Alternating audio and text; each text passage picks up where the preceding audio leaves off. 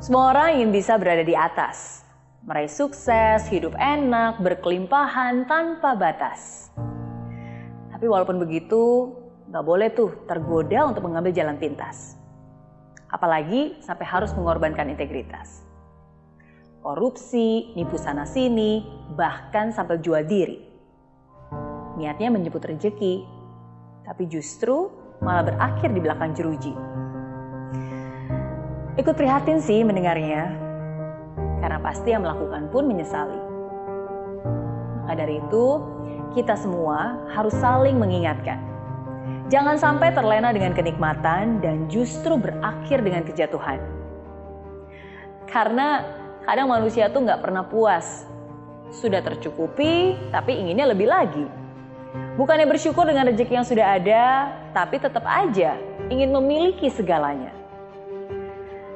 Ambisi boleh-boleh aja, tapi kalau sudah di atas, harus sadar dan tahu batas. Dan buat yang masih berjuang, juga nggak boleh tergiur dengan jalan pintas. Godaan akan selalu ada di setiap perjalanan. Tapi jangan sampai kamu keluar haluan. Apa pun keadaan kamu, on the track tetap harus dipertahankan. Bagaikan rel kereta api, walaupun jalannya mungkin kadang sedikit berliku-liku, tapi dia selalu tetap pada jalurnya, tetap pada relnya. Dan sama seperti hidup, sukses dan kaya raya bukan sekedar mengandalkan kecepatan, namun juga kebenaran dalam memilih jalan yang dilakukan. Tapi Miss Mary, maunya sih on the track. Tapi kalau sudah terlanjur off the track, gimana dong? Kalau sudah terlanjur keluar haluan, gimana dong? Apakah masih bisa dimaafkan? Apa yang harus dilakukan? Tentu saja, bagi saya selalu ada maaf bagi orang yang benar-benar insya. Mulailah dari tiga hal sederhana ini. Kesadaran, kemauan, pedoman. Yang pertama, kesadaran. Kesadaran adalah kunci sebuah perubahan. Sadar bahwa sudah off the track. Sadar bahwa itu salah. Dan sadar akan dampaknya. Karena selama kamu masih mengelak dan gak ngaku, maka kamu gak akan bisa memulai lembaran yang baru. Yang kedua, kemauan. Saya yakin di mana ada kemauan, di situ pasti ada jalan. Mau untuk terbuka, mau untuk menerima konsekuensinya, mau untuk berubah, dan mau untuk mencari cara. Walaupun mungkin tidak mudah.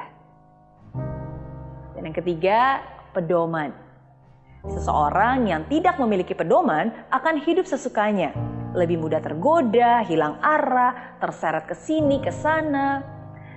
Maka dari itu, supaya tidak keluar haluan lagi, milikilah pedoman yang bisa berfungsi sebagai panduan dan juga pemberi batasan. Sehingga tidak off track lagi dan tidak terjerumus lagi. Jadikan Tuhan sebagai pedoman, jadikan iman sebagai kekuatan.